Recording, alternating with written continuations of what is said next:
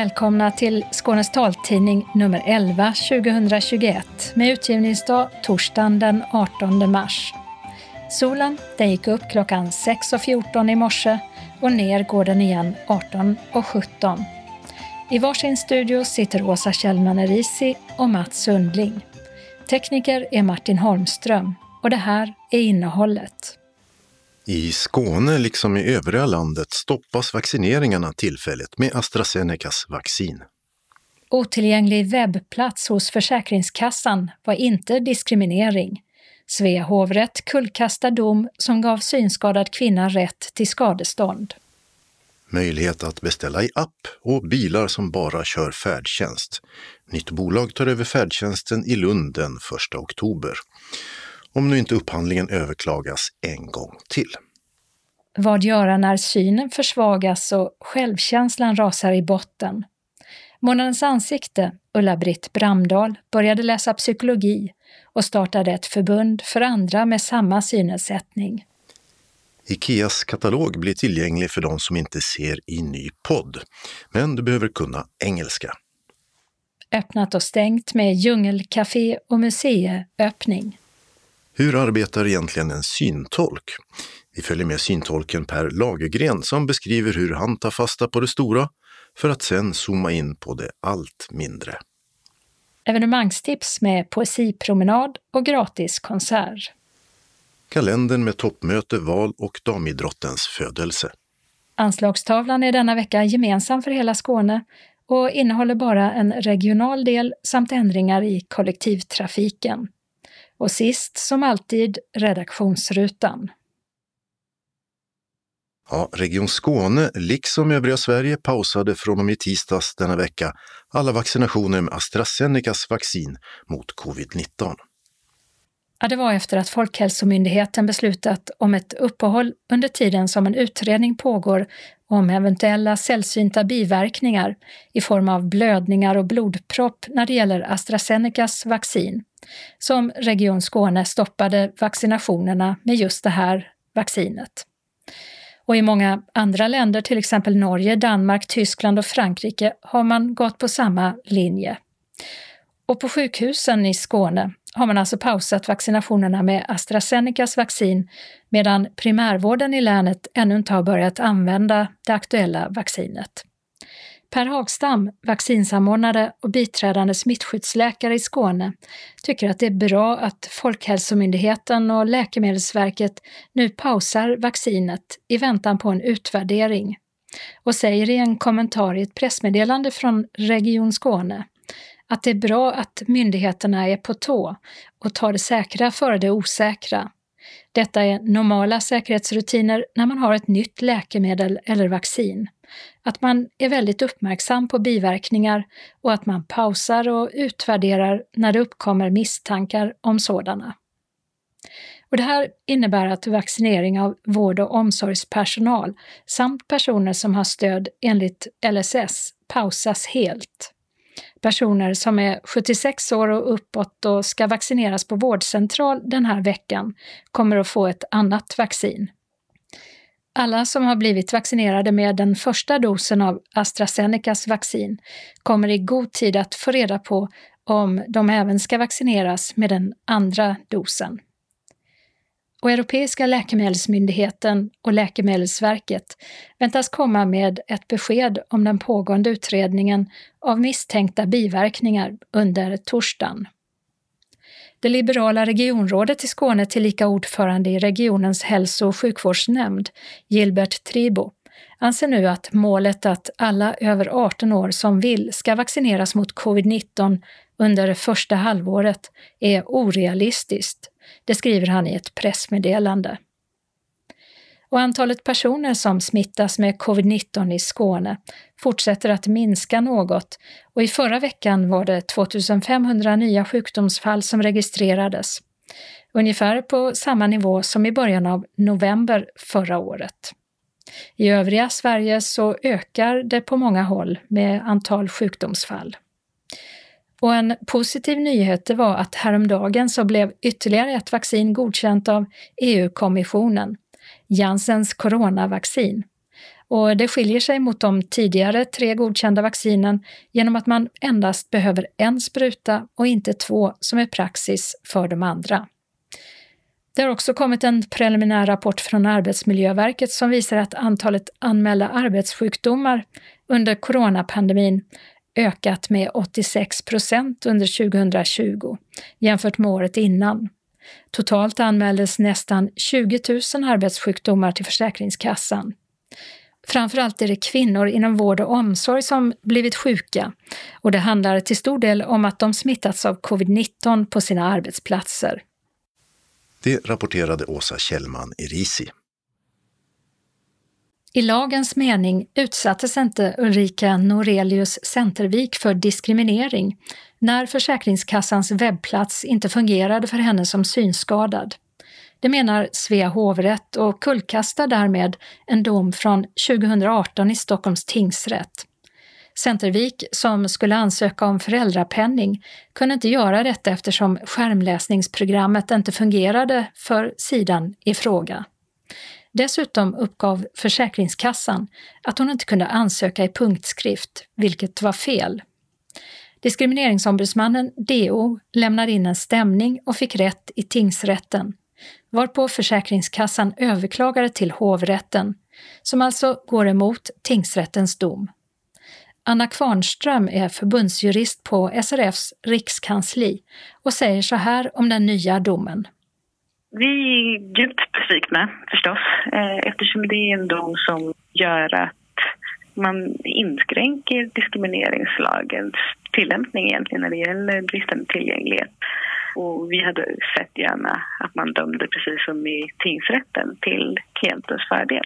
Vad är er bild av varför hovrätten gör en snävare tolkning av frågan om det här är diskriminering än vad tingsrätten gjorde?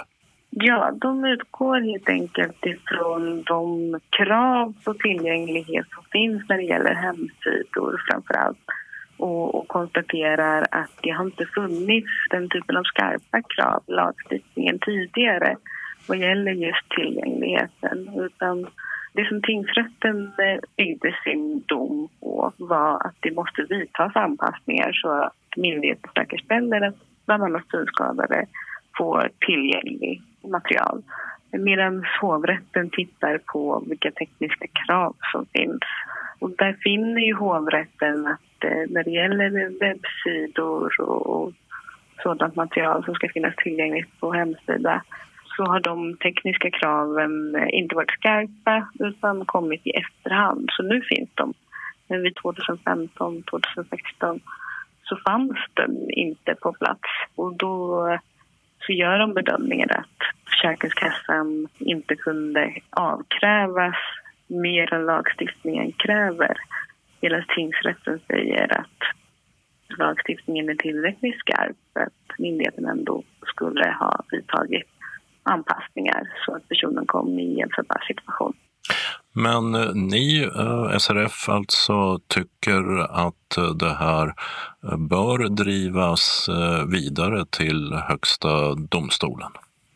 Jag som förbundsjurist tycker det eftersom det går inte i alla lägen att kräva att det ska finnas eh, riktlinjer, krav och eh, formulera exakt vad som ska göras för tillgänglighet.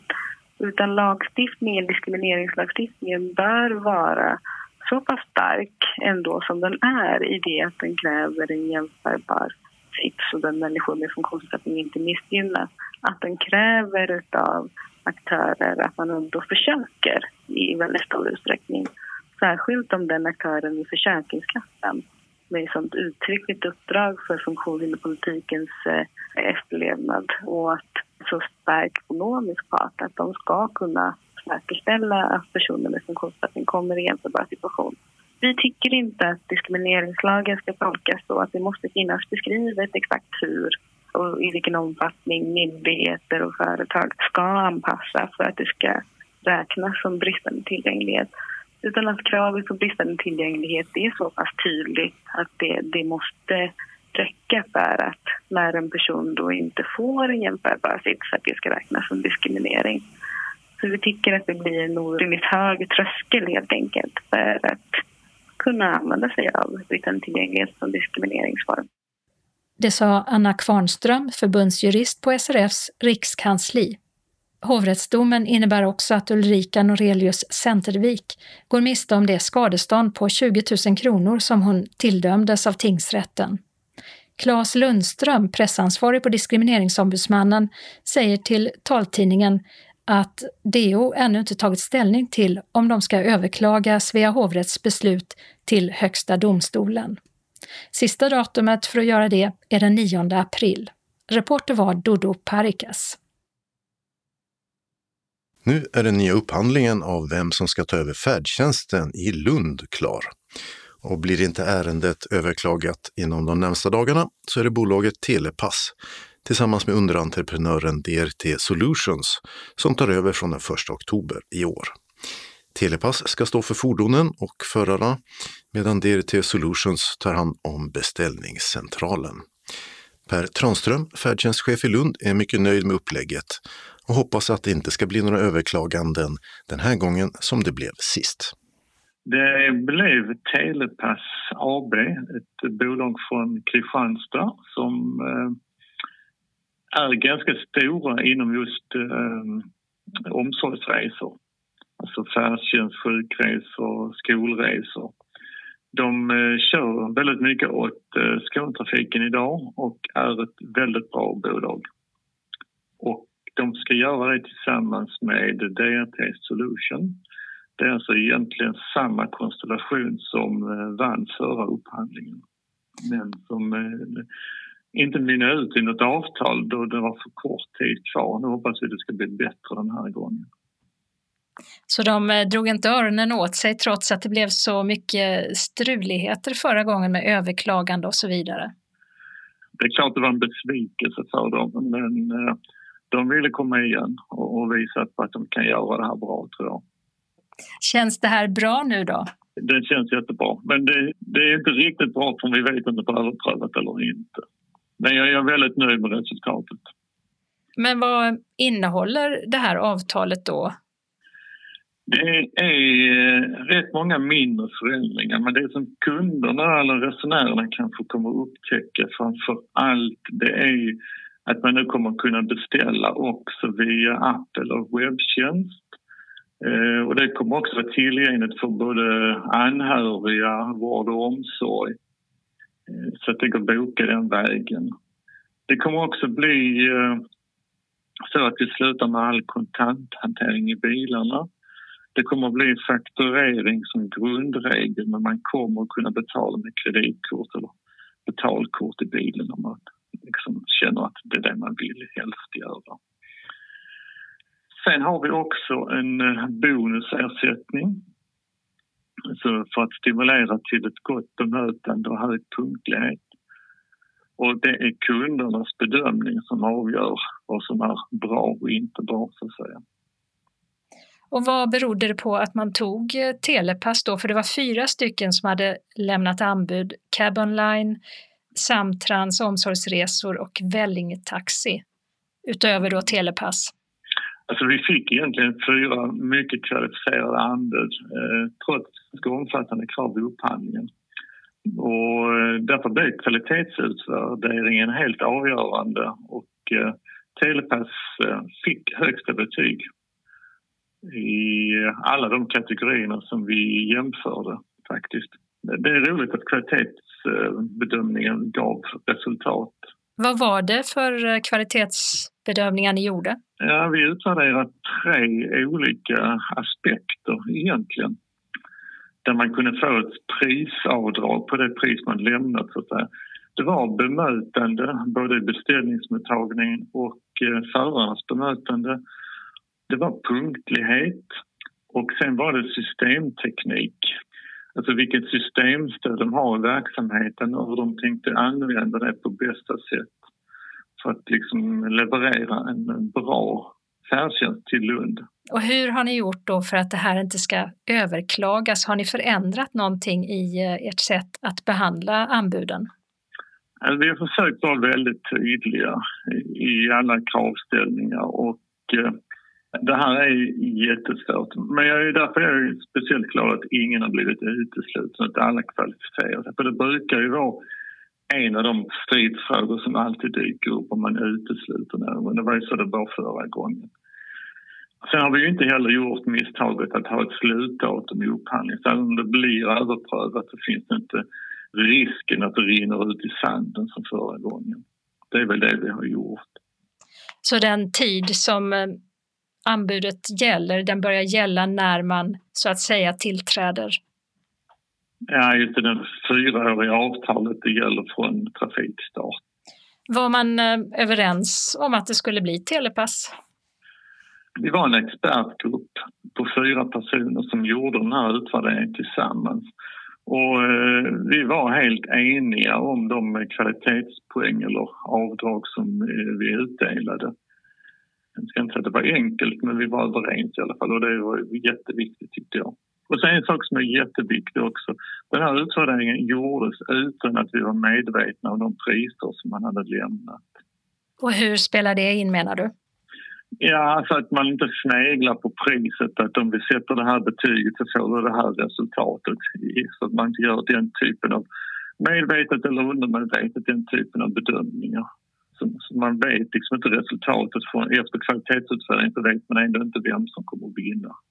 Eftersom de juridiska turerna kring den förra upphandlingen var så långdragna så var avtalsperioden i princip nästan slut när det avgjordes. Och under de år som gått så har Sverigetaxi fått fortsätta att köra.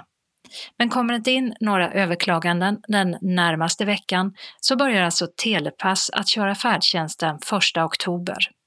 Och en annan förändring mot idag är att det ska bli en satsning på elbilar och att bilarna enbart ska köra färdtjänst. Jo, jag tror många uppskattar också att det kommer att bli en hel del elbilar Första året är det tänkt att en fjärdedel av resan ska vara med en elbil. Och andra året och de följande år så ska varannan resa vara med elbil. Så ur miljöaspekten är också viktig.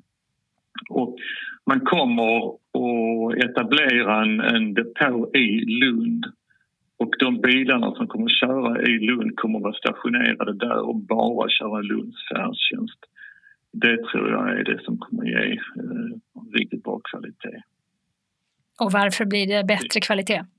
Ja, de har bara ett uppdrag. De, de är inte splittrade mellan att köra privat taxi. De har eh, fasta löner i, i princip, i alla fall inte ett provisionsavtal. De, de har detta som sitt uppdrag och, och det tror jag de kommer att vara fokuserade och sköta bra. I, inte konkurrens med privat taxi det, är det vi lider delvis av. Det sa Per Tranström, färdtjänstchef i Lunds kommun. Och Telepass har idag depåer i Kristianstad, Helsingborg och Ystad. Och även i Blekinge och Småland. Reporter var Åsa Kjellman i Risi. Månadens ansikte är Ulla-Britt Bramdal som för 30 år sedan fick diagnosen glaukom eller grön starr. Efter att, som hon säger, först ha hamnat med huvudet nere i gyttjan så började hon plugga psykologi och var med om att dra igång det rikstäckande Glaukomförbundet. Idag är Ulla-Britt 79 år och bor med maken Björn i Helsingborg i ett hem med en hel del skulpturer som vi strax ska titta lite på. Men först gäller det att hålla coronaavstånd. Du får sätta mig där, där jag är på lagom avstånd. Det blir jättebra. Sätter mig mitt emot. Ja. Så. Sen får Björn fixa med kaffet och sånt så småningom. Ja. Klarar du att vända på kakan också? Ja. Ja, det är bra. det är bra.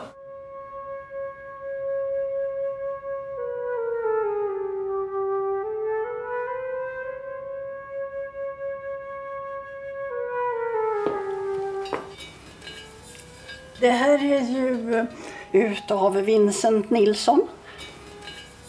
Konstnär i Höganäs. Eh, han körde också taxi. Och han plockade upp mig någon gång ute på flygplatsen när jag hade varit på en glaukomresa till Stockholm. Och så fick jag en broschyr ifrån honom och så åkte vi dit och tittade. Och den här blev ju jag bara jätteförälskad i. Hur ser den ut? en pingvin med en liten pingvinunge på magen. Och den är i svart. Och sen har du då pingvinägget här bredvid. Det är sånt där som jag faller för när jag går ut och tittar på saker och ting. Va? Så känner man ju former och sånt.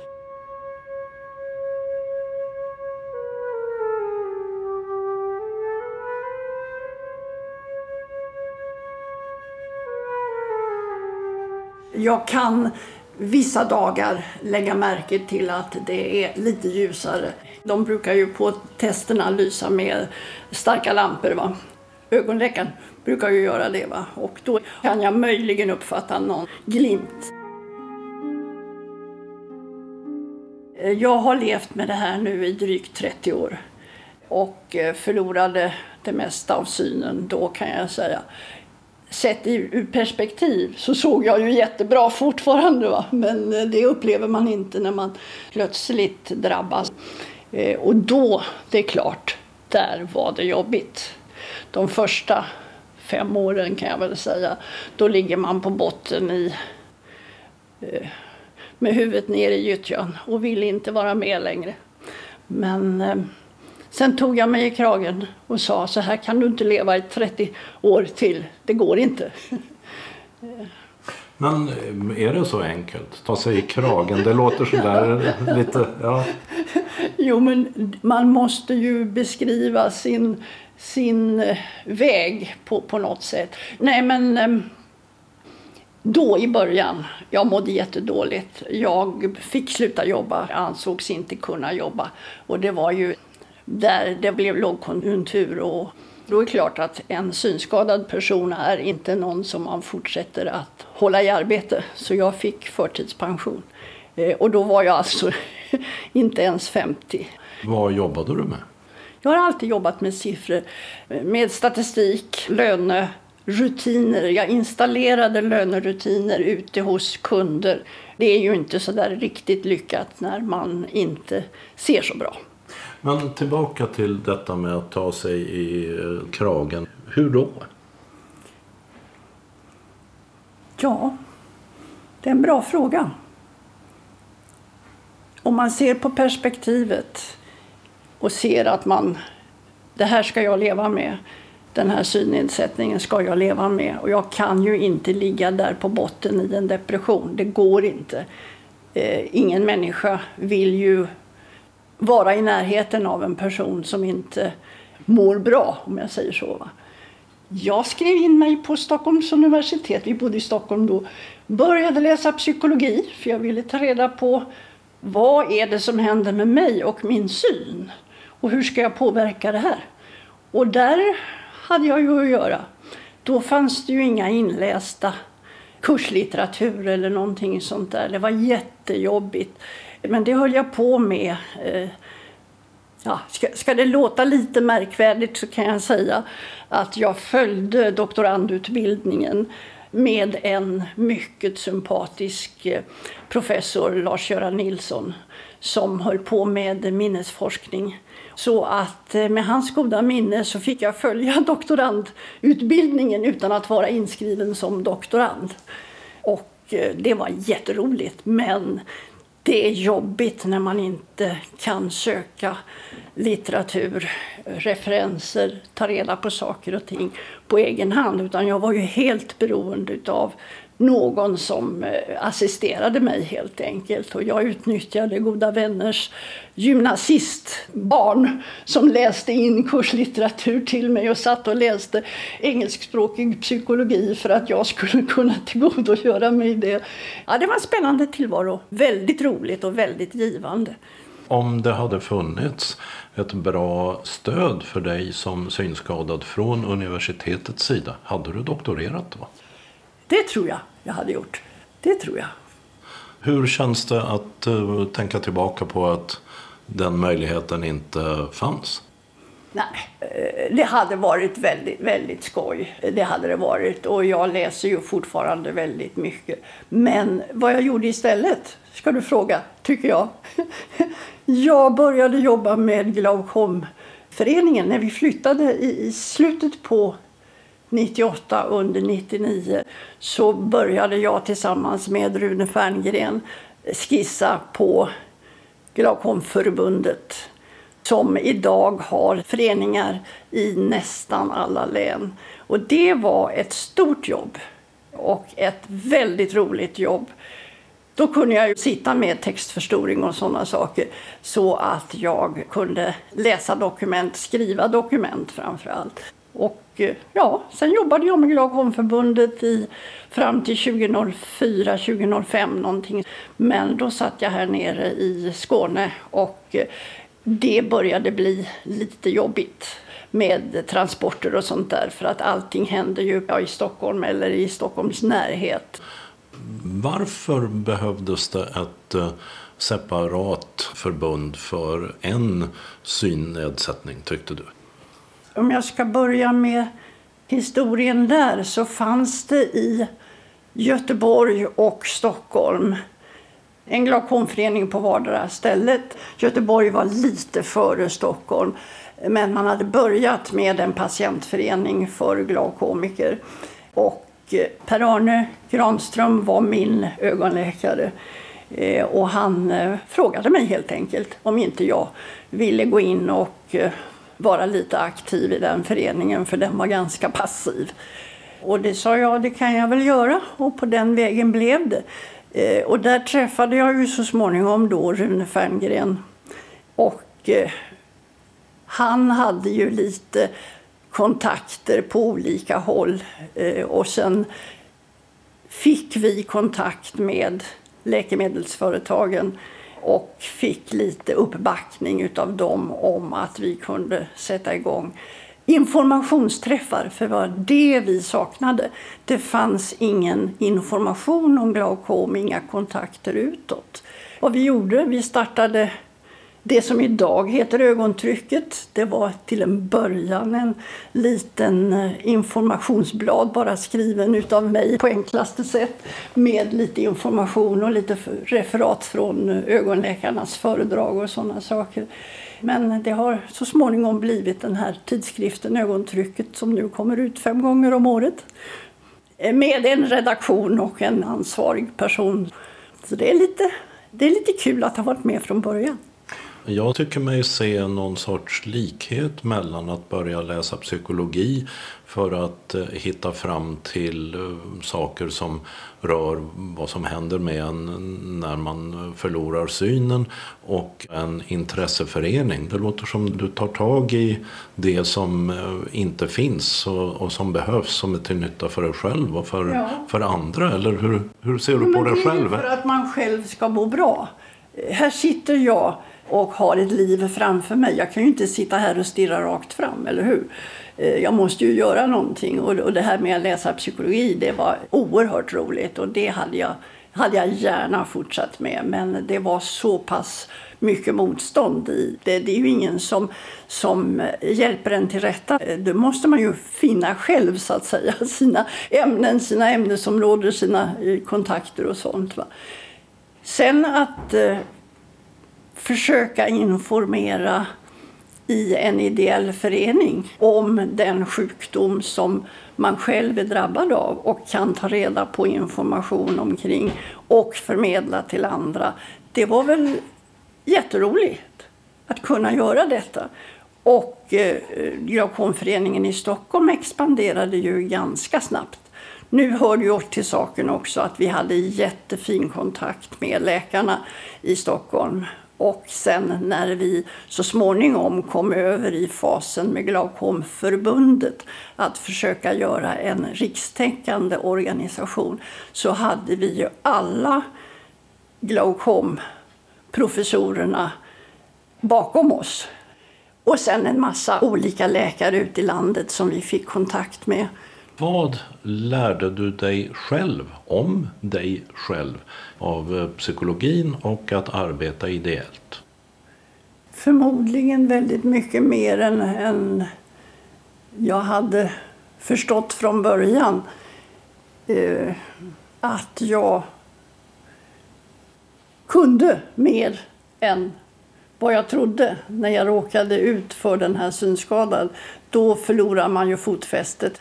Eh, och det har jag ju bevittnat många exempel på med kontakter med eh, människor som har, jag vill inte använda uttrycket drabbas utan jag säger fått diagnosen glaukom, att det är inte så farligt som man tror när man får höra talas om det. För det enda man tar emot vid de första samtalen det är ju att jag kommer att bli blind. För mig har det tagit 30 år.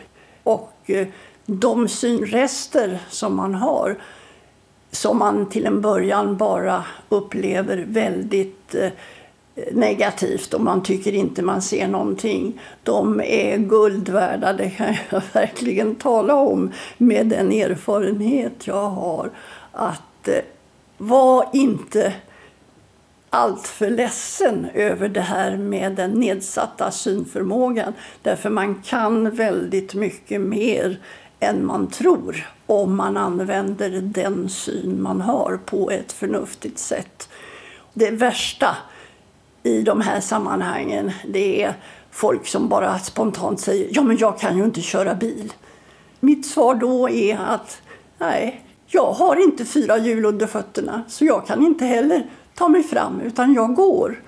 Och jag tar mig fram på annat sätt. Men livet består inte av att man förflyttar sig med hjälp av en bil. Vad består livet av? Väldigt mycket mer i kontakten med människor och att människor behöver hjälpa varann, stötta varandra. Alla kan, alla kan något och kan hjälpas åt om man själv vill.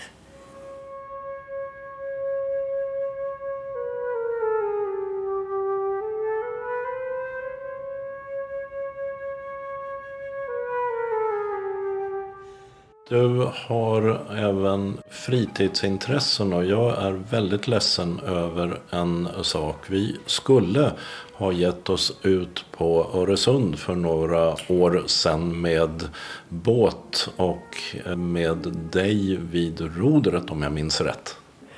Det stämmer, det stämmer. Jag har seglat i eh, 30-40 år, vad det kan bli för någonting. Eh, men när jag eh, råkade ut för den här synskadan, vad Björn gjorde då var att leta efter möjligheter för mig att, att kunna styra. För det är ju det det handlar om, att man ska sitta vid rodret och man ska kunna se framåt så att säga och ta sig fram. Han hittade en eh, autopilot som var omgjord. Det var väl någon förälder till ett eh, synskadat barn som hade eh, snickrat på en sån där grej. Vi köpte den där autopiloten och installerade på båten och den piper då olika typer av pip med hög eller låg frekvens beroende på om man styr åt styrbord eller babord.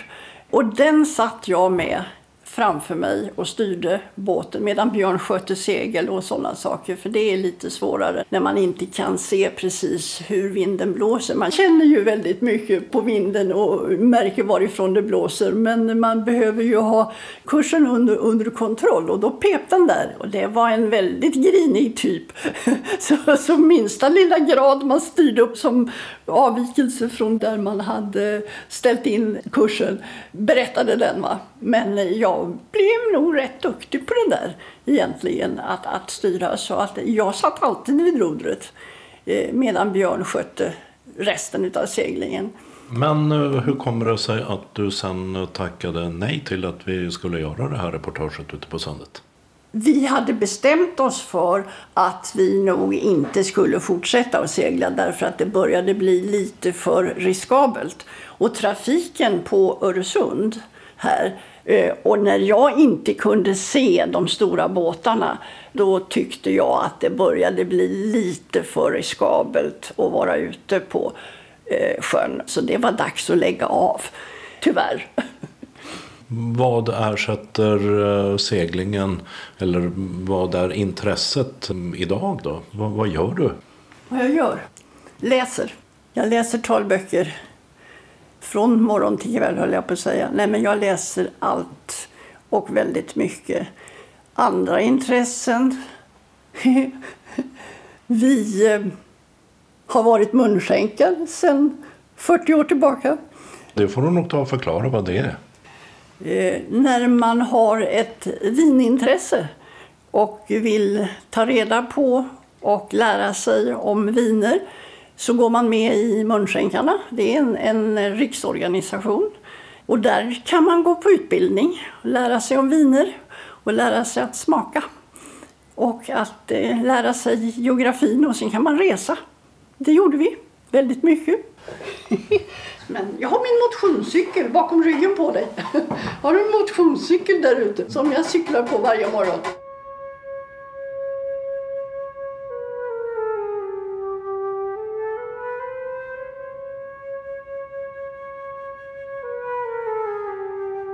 Så är det detta med månadens ansikte.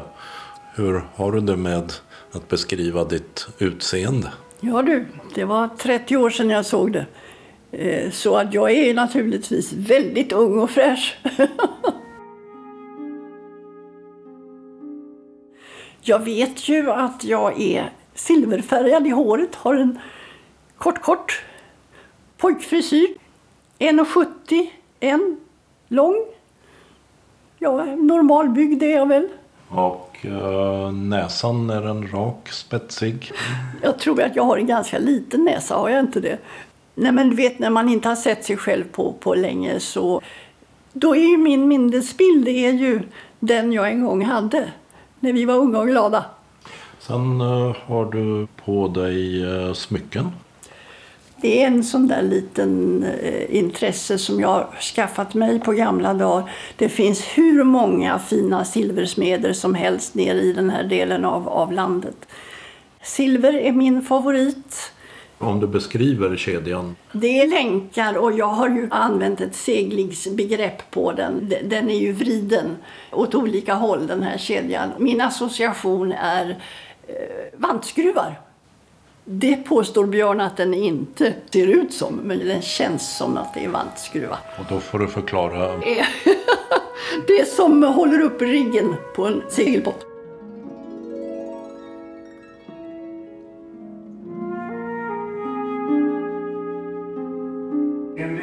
större assietter eller också tar vi de större Du kan, du kan ta skålarna om du skulle ha... Gillar du vaniljsås? Ja då. Ja. Ta skålarna Björn. Ja. ja.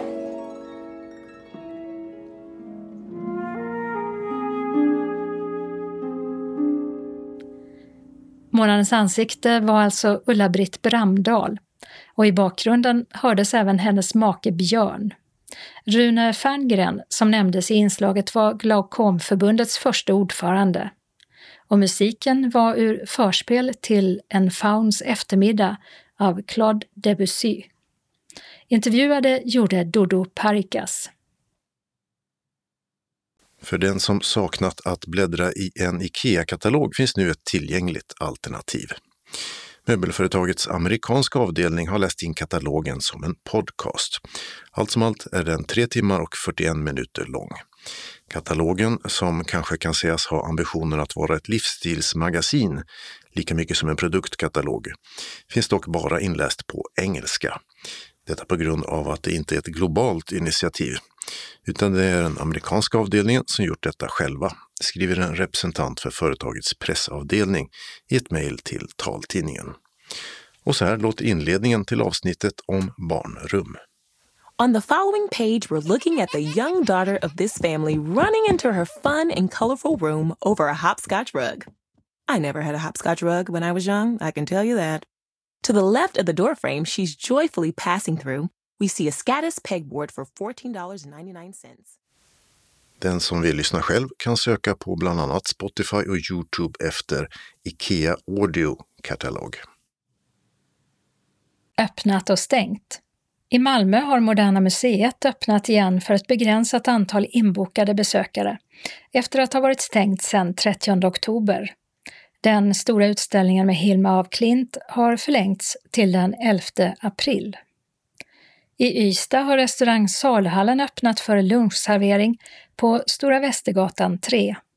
På sikt och när pandemin gör det möjligt vill man även ha öppet på kvällarna.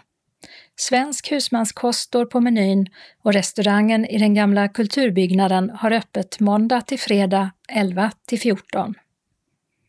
I Ystad har Tildas bakeri öppnat i stationshuset. Och i Alnarp utanför Åkarp har en plantbutik med tillhörande café öppnat på Lantbruksuniversitetets område. Sundsvägen 6. Temat är djungel och växterna i butiken är till stor del tropiska växter och grönskan utanför i Alnarpsparken ska inspirera. Soppor efter säsong, grillade mackor och bakverk är något av det man kan välja på. I Trelleborg har en ny närbutik, My Way, öppnat vid Västra infarten på Lyckopärsväg 1. Butiken ligger vid Mekonomen och bensinstationen ST1. Landskrona har fått ett nytt café. I Sko Elegans gamla butikslokaler i hörnet Eriksgatan och Säbygatan ligger numera Newborn 261, som fiket kallas. I Höganäs har träningsstället Crossfit Höganäs flyttat från magasin 36 på Bruksgatan 36 till Körröd och adressen är Smältaregatan 3. Och i Höganäs har underklädesbutiken Underbara Under på Storgatan 54 gått i konkurs och kommer att stänga när varulagret är utsålt. I Bromölla har matvagnen och foodtrucken Denox Asian Food öppnat igen på Doktorsgatan 3 efter ett uppehåll på två år.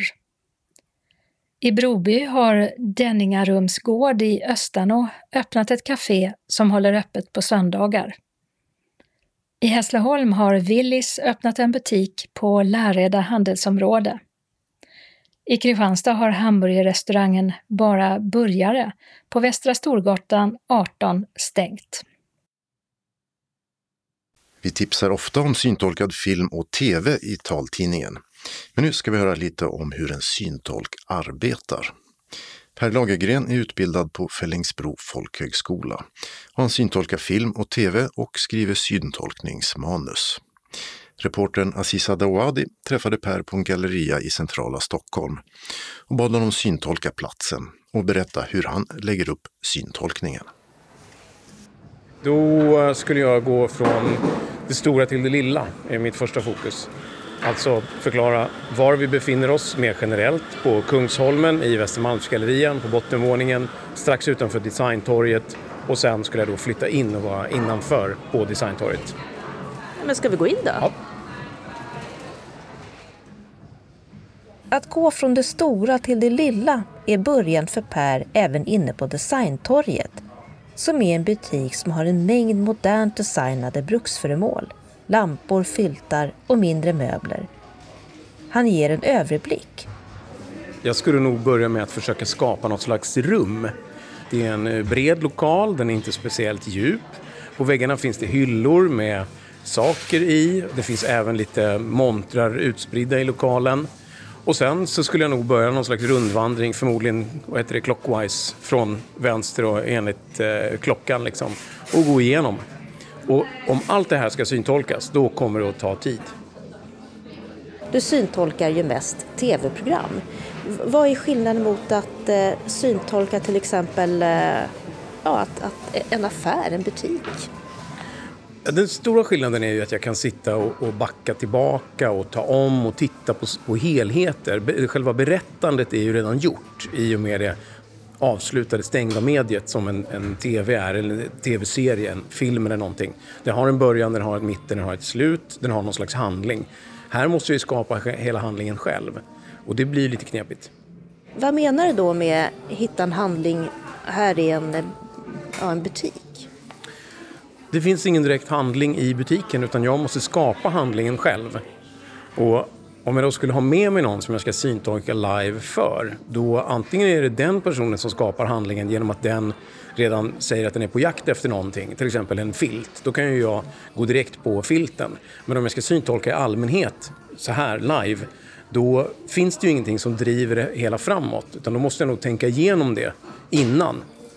Och det är en helt annan verksamhet än om man sitter i en studio och tittar på en film och syntolkar. Där är det någon som redan har gjort det bestämmande jobbet åt mig.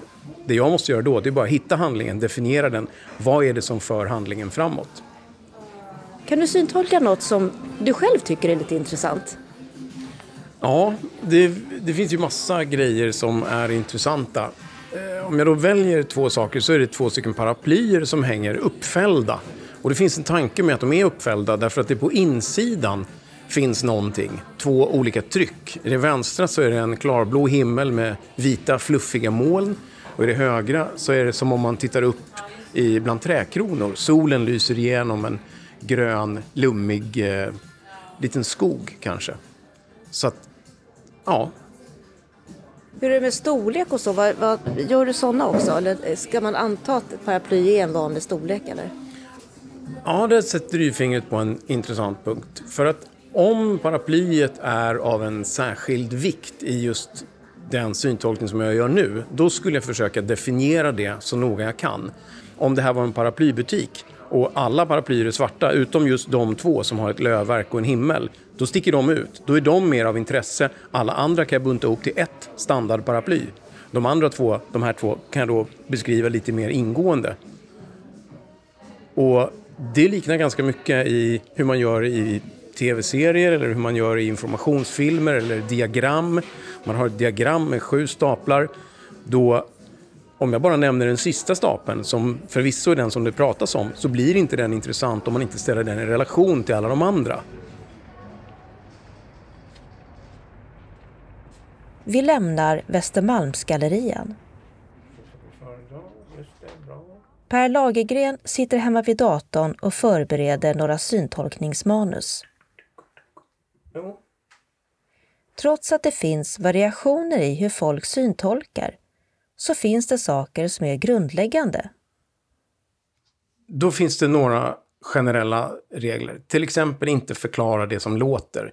Om man hör att en bil åker iväg, då behöver inte jag säga det. Därför att det framgår. Och det här är för människor med synnedsättning, inte med hörselnedsättning. Så då behöver jag inte säga att, de, att det är en bil som åker iväg. Det, det är väldigt mycket att skriva på näsan.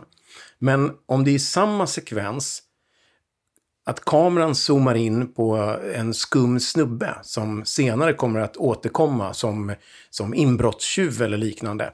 Och om kameran zoomar in på det så är inte det av en slump, utan då är det före det någon regissör som har tänkt att här ska vi beskriva den här, här ska vi visa, hinta lite om att här är den mystiska människan. Då måste jag ju som syntolk också säga det. Och om kameran nu zoomar in på den mystiska snubben, som vi senare kommer att förstå att det är den mystiska snubben, så kan jag ju förstöra hela, upp, hela upplägget genom att säga kameran zoomar in på snubben som senare kommer att göra ett inbrott. Ja, då har jag ju pajat hela upplevelsen. Då måste jag beskriva det på ett sånt sätt att kameran får syn på en människa, till exempel. Och jag kan ju inte föregå handlingen, för alla människor har ju rätt till precis samma upplevelse. Då skulle jag behöva formulera det tydligt men vagt. Kanske att kameran zoomar in på en ljushårig man. Och sen bara släpper jag det. För bara det faktum att jag har nämnt det har ju i sin tur sagt att oh, det där var något spännande. Och sen nästa gång den här människan dyker upp, då skulle jag nog referera till den ljushåriga mannen i det sammanhanget. För att nästa, nästa gång personen dyker upp, den ljushåriga mannen tar fram en dyrk och bryter upp lägenhetsdörren. Då har man ändå kopplat alltihopa. Så det är mycket att jobba med att välja ord. Välja rätt ord, välja synonymer, inte prata för mycket.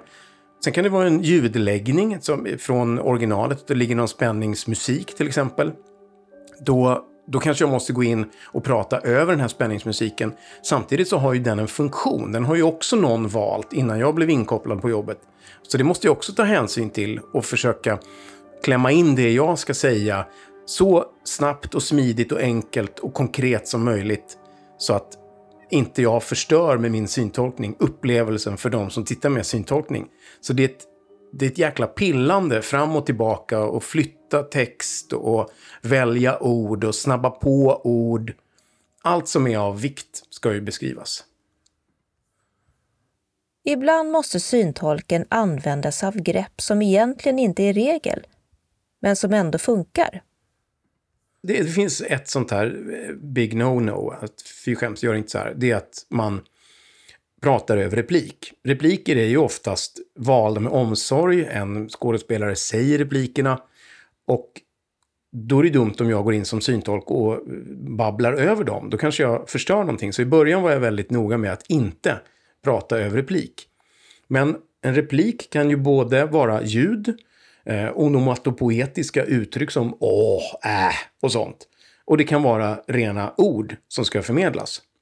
Och nu för tiden, när jag gjorde Bonusfamiljen förra säsongen, så då vågar jag kapa ganska mycket. Så att om karaktärerna står och velar och säger eh, men eh, du, alltså eh, innan de kommer till det de faktiskt ska säga. Då känner jag att det där kan jag stryka, för det ger mig mer tid. Och problemet är ju egentligen att jag har så lite tid på mig mellan replikerna att säga det som faktiskt är viktigt. Och då blir det så att då måste jag stryka vissa repliker ibland. Inte själva repliken, men det som föregår repliken. Alltså karaktärsljud om man kan säga så. Men jag tänker om man hör en skådespelare säga ja, ja, då hör man ju att det är ett tvekande. Behöver man säga det då? Nej, jag säger inte att den tvekar. Men den kanske gör någonting samtidigt som den tvekar. Eh, som kan vara av vikt. Kanske en helt hypotetisk situation. Någon vill låna pengar av någon annan och den som ska låna ut pengar tvekar i ord men plockar samtidigt upp en 100 kronors sedel eller 200 eller vad det som nu finns. Om det inte sägs, här får du 200 kronor, utan att de bara stumt räcker över den, eller kanske med någon annan replik att ja, jag är inte riktigt säker på att jag vill, och sen lämnar över en hundralapp, då är det ju mer av vikt att jag förklarar att personen lånar ändå ut än att personen, karaktären, får komma med sina ljud av tveksamhet. Men hur tycker du man ska låta i rösten? Jag tänker till exempel med engagemang och tonläge och så. Mm. Så neutralt som möjligt är nog det första. Sen finns det en massa undantag. Och det beror ofta på tid. Och också på målgruppen, tänker jag. Jag gjorde någon barn-tv-satsning för någon tid sedan som hette Agenterna. Det roliga med den var att de hade redan skrivit in i manus till de här barnen som var med och lekte agenter var att de skulle förklara vad det var de gjorde. Jag tror inte att de tänkte på att nu gör vi det här syntolkat samtidigt, utan jag tror att de tänkte att det här är, det här är barn-tv, vi måste vara lite mer pedagogiska. Och när de då hittade ledtrådar så sa de till exempel, ja ah, men den här blåa nyckeln, kanske den kan passa i det blåa nyckelhålet. Och då fick man ju liksom med syntolkning på en gång, vilket gjorde att jag behövde inte göra speciellt mycket. Men då fanns det det där att det är ju för barn. Och om jag då skulle som snart 50-årig vuxen sitta och förklara på samma sätt som jag skulle förklara en informationsfilm, då blir det rätt trist. Så en viss form av anpassning kanske jag måste göra, men man måste ju vara lika inbjudande som, som syntolkröst som vilken annan berättarröst som helst. Det är bara att man ska undvika att spela över, det är att försöka synas själv. Ehm, att försöka färga med sin egen åsikt eller sitt eget eh, sätt att berätta saker. Man måste nog tänka att man är nummer två eller tre i linjen. Jag är inte det viktigaste, men det min röst förmedlar är av vikt. Något som är viktigt för Per är ord att orden är utvalda med omsorg. Därför använder han flera ordböcker. Det är det här som skiljer en livesyntolkning mot det arbete som jag gör när jag sitter hemma och skriver. Att jag försöker hitta det mest korrekta ordet som finns. Eh, och sen så när jag hittat det mest korrekta ordet så inser jag att det här är ett ord som inte använts sedan 1800-talet så får jag ändå ta ett nyare ord. Men ibland kan det vara att hitta rätt betoningar på ord. Eh, ibland är det att hitta, ja, helt enkelt rätt uttryck för någonting som syns i bild. Men hur vet du att det är rätt uttryck då? För det är du själv som bestämmer mm. det. Ja, precis. Vi kan titta på, jag ska visa ett annat exempel på en eh, film som jag syntolkade. Hur vet jag att det är rätt uttryck? Ja. En blomstertid nu kommer svartvita klassfoton med två rader av elever. Långsamt, knappt märkbart, försvinner en pojke ut ur bilden. I just det här så börjar det med en sång, Den blomstertid nu kommer, som går som bakgrund hela tiden. Men det sägs absolut ingenting i filmen. trots att budskapet är viktigt, trots att det måste syntolkas. Först är det då en spelscen som visas. Det är två stycken klassfoton. Och det som sker i de här är att en av eleverna i de olika klassfotona långsamt försvinner. Och sen så kommer då texten som är liksom det budskapet som man vill få fram. Och då, för att välja rätt uttryck, då måste jag först formulera för mig själv vad är det som händer? Och då ser jag att det är två elever som försvinner. Från vad? Från fotografier. Är det färgfoton eller svartvitt? Det är svartvitt. Hur ser man ut när man, sitter man på en rad eller står man två rader? Jag menar, de flesta har varit med om att ta klassfoton, oavsett om man ser eller inte. Och då, då står man i två rader.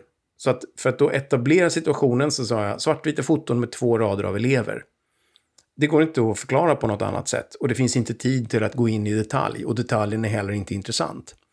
Och sen valde man ju när man gjorde den här filmen att långsamt, nästan i periferin, låta två stycken elever i de olika klasserna försvinna. Och då valde jag att säga långsamt och därefter knappt märkbart. För att det är en liknelse, inte bara långsamt, utan det är knappt märkbart som elever försvinner. Och första klassen där försvann en pojke ur bilden. Och så kom det en ny klass. Då behöver jag inte säga att det är svartvita foton. För det är ingen ny information som ändras. Det är plötsligt inte ett färgfoto. Och då gäller fortfarande svartvita foton med två rader av elever. Bla, bla, bla. En ny klass. Och då sa jag, lika omärkligt försvinner en flicka. Och då har jag fått att det sker långsamt, knappt märkbart och lika omärkligt. Då har jag förklarat det som sker i bild. Och sen kom då det som i det här fallet egentligen heter verbalisering. Att läsa upp den text som förekommer i bild. Och den tog längre tid än själva syntolkningen. Så just den här lilla informationsfilmen så var syntolkningen var ju väldigt kort, men verbaliseringen blev väldigt lång. Och sen fick jag öka upp det för jag ville få med slutet på den här sången. När de slutar sjunga Den blomstertid nu kommer och avslutar med Och allt blir återfött. Så att det här, i det här fallet så gick det till slut ganska bra. Och då blev det både syntolkat och verbaliserat.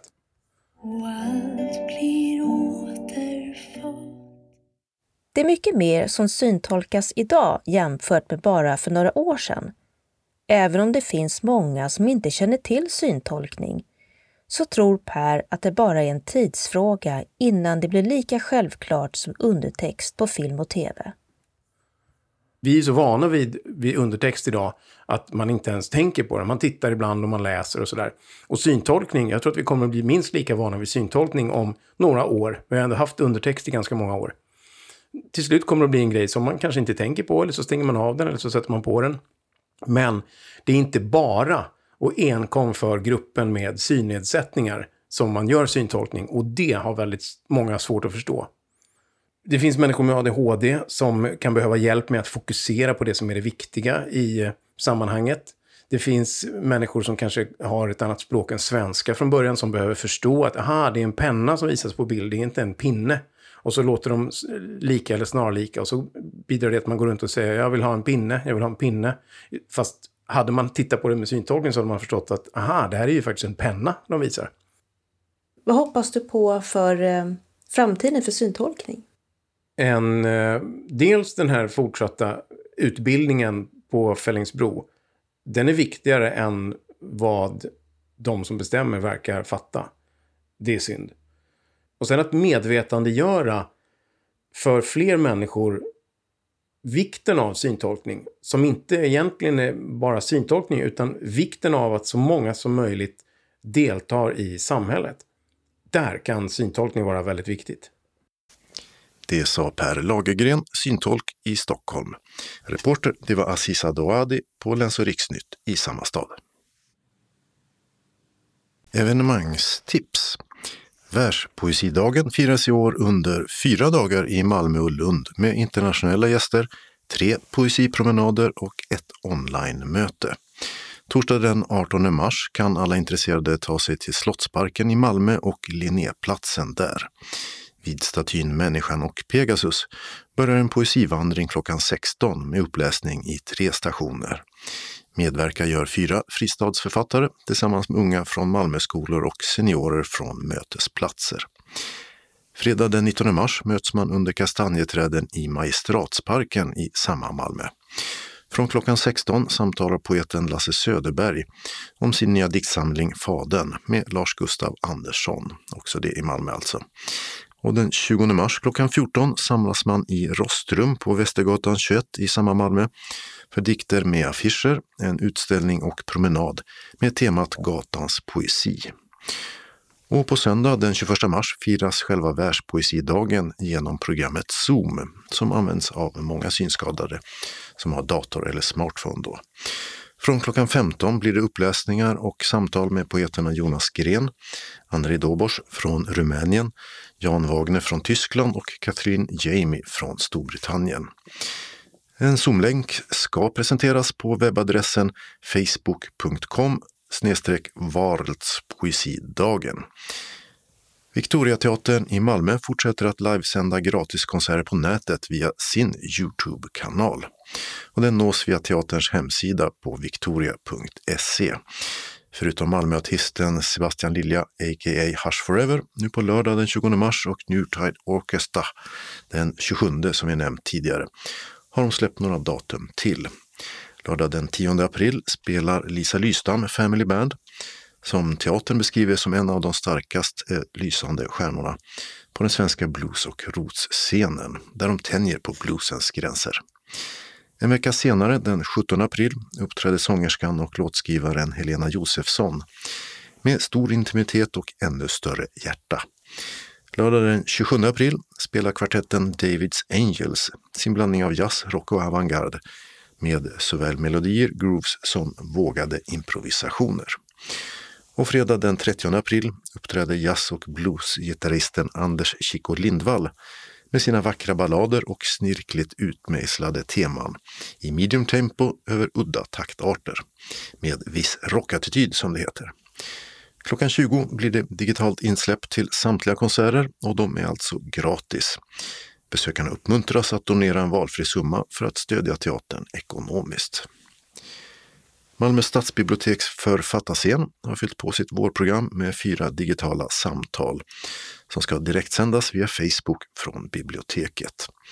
Torsdag nästa vecka, den 25 mars, kommer Augustprisvinnaren Lydia Sandgren som med sin tjocka Göteborgsroman Samlade verk också fått ett stort publikt genombrott. Hon kommer att samtala med journalisten Johanna Koljonen. Klockan 19 börjar detta tillfälle och de följande. Onsdag den 14 april besöks biblioteket av Henrik Bromander som är aktuell med sin åttonde roman Skymningsland. Det är en thriller om stay behind-celler och högerextremism i det svenska 70-talets folkhem. Karin Arbsjö samtalar med honom. Onsdag den 19 maj kommer danska Asta Olivia Nordenhoff som för sin roman Pengar på fickan belönas med P.O. Enquists pris och nominerats till Nordiska rådets pris. Författarkollegan Amanda Svensson, som vann P.O. Enquist-priset året innan, ska tala med henne. Onsdag den 26 maj blir ett samtal inför Malmö Operas fortfarande planerade världspremiär den 29 maj på Circus Days and Nights. Ett samarbete med Cirkus Cirkör och med musik av Philip Glass. Cirkus Cirkös konstnärliga ledare Tilde Björfors och operakritikern Axel Englund samtalar då med journalisten Tor Billgren. Och samtalen sänds alltså på författarscenens Facebook-sida. Den som prenumererar på vårt nöjesmail hittar en länk nedan. Och om du inte har dem men vill ha de här mejlen med evenemangstipsen i text i Word-format som du kan spara så är det bara att höra av sig. Kontaktuppgifter hittar du i redaktionsrutan sist i tidningen. Sofiero och Slottsträdgård i Helsingborg öppnar den sista mars för säsongen. Vad som händer i parken då håller de ännu hemligt. Men förutom vårens hav av tulpaner väntar den 7 maj en utställning i slottet kallad Evigt mode. Både flärdfullt och hållbart sånt ska visas till den 26 september. Och längre fram i sommar hoppas Sofiero få till en rad konserter med stora artister. Flera av dem som skulle kommit förra sommaren men sköts upp till i år. Den 2 juli 2021 alltså ska det bli premiär då Thomas Ledin konserterar. Alla klassiska hits utlovas med start klockan 19.30. Den 9 juli kommer Lars Winnerbäck för en konsert mellan klockan 18 och 23. Dagen efter, den 10 juli, spelar såväl The Hives som Mando Niao och The Sounds mellan klockan 19 och 23. Den 29 juli kommer comebackande glamrockarna The Ark förbi på sin Reunion Tour, start 19.30. Och dagen efter, den 30 juli, uppträder Magnus Uggla, Miss Li och Petter från klockan 19. Inträdet är 595 kronor till alla konserterna, utom den sista med Magnus Uggla. Den kostar 695 kronor. Ticketmaster säljer biljetter och köpta till året innan ska gälla nu. Picknickkorgar tillåts på Sofiero men inte medhavda stolar, i alla fall inte under konserterna. Sådana finns att hyra på plats. Och Ticketmaster har telefon 077 170 70 70. Och Sofiero når man på telefon 042 10 25 00. Kalendern för vecka 12 börjar med måndag den 22 mars då Kenneth och Kent har namnsdag. Partiet Liberalerna är som bekant splittrade just nu över om man ska lämna januariavtalet och satsa på en borgerlig regering som är beroende av stöd från Sverigedemokraterna. Den här dagen har Skåneliberalerna årsmöte där man tar ställning inför Liberalernas medlemsomröstning som följer sen på söndagen. Och den avgör i sin tur om partiledaren Nyamko Sabuni får klartecken för denna sin linje eller inte. I Stockholm börjar samma dag VM i konståkning som håller på veckan ut. Men någon publik på plats i Globen kommer det inte att bli av pandemiskäl. Så de som vill se hemmahoppen Josefin Taljegård och Nikolaj Majarov och världens bästa gör upp i singel och paråkning samt isdans får hålla sig till tv. 90 år fyller James T. Kirk, kapten på rymdskeppet Enterprise. Tillsammans med Dr. Spock och sina andra vänner har han för Förenade Planeters Federation utforskat galaxen och mött nya civilisationer. Eller då den kanadensiske skådespelaren William Shatner som spelade kaptenen i Star Trek, en lång rad science fiction tv-avsnitt och filmer som började sändas 1966 och sen får sägas ha blivit en galaktisk framgång med en stor och hängiven publik och miljardförsäljning bara av leksaker med Star Trek-tema. Shatner gjorde sin sista insats som kaptenen 1994. Och några år efter det uppkallade några astronomfans asteroiden 31556 Shatner efter honom. Tisdag den 23 mars har Gerda och Gerd namnsdag. I Israel är det dags för parlamentsval igen, det fjärde på två år. Och huvudfrågan även den här gången är om Benjamin Netanyahu, premiärminister de senaste tolv åren, lyckas sitta kvar. Han står nu inför rätta, åtalad för korruption och opinionssiffrorna för hans Likudparti är inte som förr. Men å andra sidan är landets covid-vaccineringar en stor framgång. Mer än hälften av alla israeler är nu fullvaccinerade, särklassigt bäst i världen. Vilket kanske kan räcka för att få en sjätte mandatperiod vid makten. Onsdag den 24 mars debatterar och beslutar riksdagen om bland annat funktionshinderpolitik och kollektivtrafik och tar ställning till ett betänkande som i skrivande stund inte är publicerat. Men i det sammanhanget tas beslut om motioner om till exempel möjligheter till idrott och hälsa för personer med funktionsnedsättning, rätt till färdtjänst, även där det inte finns kollektivtrafik, och om att ändra i LSS och dess indelning i personkretsar. Namnsdag är det för Gabriel och Rafael, ärkeänglar bägge två i judisk, kristen och islamisk tro. Torsdag den 25 mars är det dags för EU-toppmöte. Under två dagar ska statsminister Stefan Löfven och Europas andra stats och regeringschefer träffas för några brännande frågor. Högst på dagordningen står covid-pandemin och vaccineringsarbetet, där leveranserna på sistone ju blivit mycket mindre än man hoppats på. Andra frågor är hur man ska få den digitala ekonomins jättar att börja betala skatt, hur man ska förhålla sig till ett allt mer självsvåldigt Ryssland och dit och ett Turkiet som börjat kalla stora delar av östra medelhavet för sitt, vilket fått både grannländerna och EU att ilskna till rejält. Nästa år är det fotbolls-VM i Qatar för herrar och nu börjar kvalet för det svenska landslaget. På kvällen tar de emot Georgien på hemmaplan för första mötet någonsin. Tre dagar senare spelar de mot Kosovo på bortaplan. Spanien och Grekland, de två andra lagen i kvalgruppen, väntar sen i september. I kyrkans almanacka är det Marie bebådelsedag, alltså då jungfru Maria fick höra av just ärkeängeln Gabriel att hon var havande med Jesus. Och det är alltså nio månader kvar till jul. Dagen kallas också vårfrudagen, som blivit till våffeldagen. Och den kan ju alla fira med till exempel grädde och sylt. Fredag den 26 mars har Emanuel namnsdag. I Östersund börjar SM i skidskytte som pågår till söndag. Lördag den 27 mars är det namnsdag för alla Rudolf och Ralf. Och för precis 100 år sedan hölls damolympiaden 1921 i Monaco, vilket var den allra första internationella idrottstävlingen för kvinnor.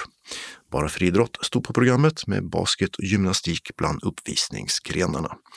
100 deltagare från fem länder, inte Sverige då, deltog och brittiska Mary Lyons blev med sina tre guld i löpning och längdhopp spelens drottning. Och sen blev hon en pionjär för damidrott i sitt land. Olympiaden organiserades som svar på att kvinnor fått nej till att vara med i det vanliga OS. Och den här damolympiaden följdes av fler och var ett startskott för damidrotten och OS-deltagande överhuvudtaget. I Sverige hölls det första SM i friidrott för damer 1927, alltså sex år senare. Söndag den 28 mars kommer ännu ett vårtecken när vi klockan två på morgonen går över till sommartid. Och som alla minns ställer man då fram klockan en timma, vilket gör klockan tre och kvällarna ljusare framöver. Veckans andra parlamentsval är i centralasiatiska Turkmenistan. Men valresultatet kommer inte att ändra på något. Alla partier måste nämligen stödja presidenten Gurbanguly Berdimuhamedov för att ens få delta. Och han bestämmer allt i landet sedan 2007. För några månader sedan lät han resa en sex meter hög hundstaty i guld föreställande presidentens favoritras. Som komplement då till den 21 meter höga guldstatyn föreställande sig själv, som presidenten tidigare låtit resa i huvudstaden. Namnsdag har Malcolm och Morgan. Årets säsong i motorsportens Formel 1 har premiär i Bahrain, ännu ett vårtecken.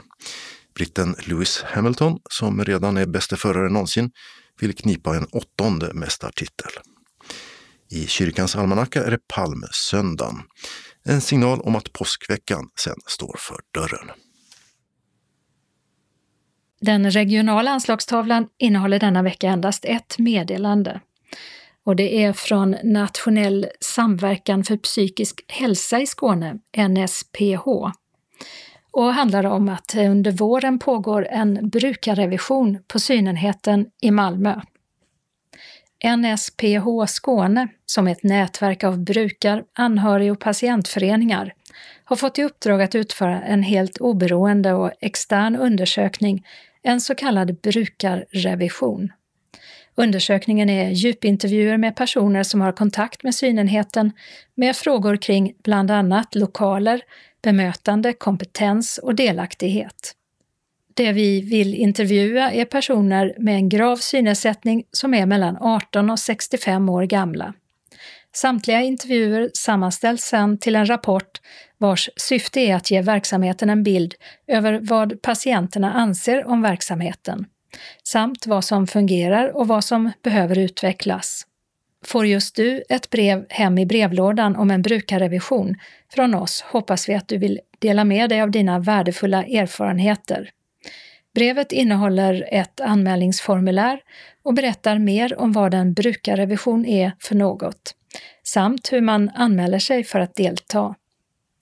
Innehållet i brevet kommer att vara anpassat så du kan ta del av materialet i sin helhet. Alla som medverkar i intervju får ett valfritt presentkort som tack.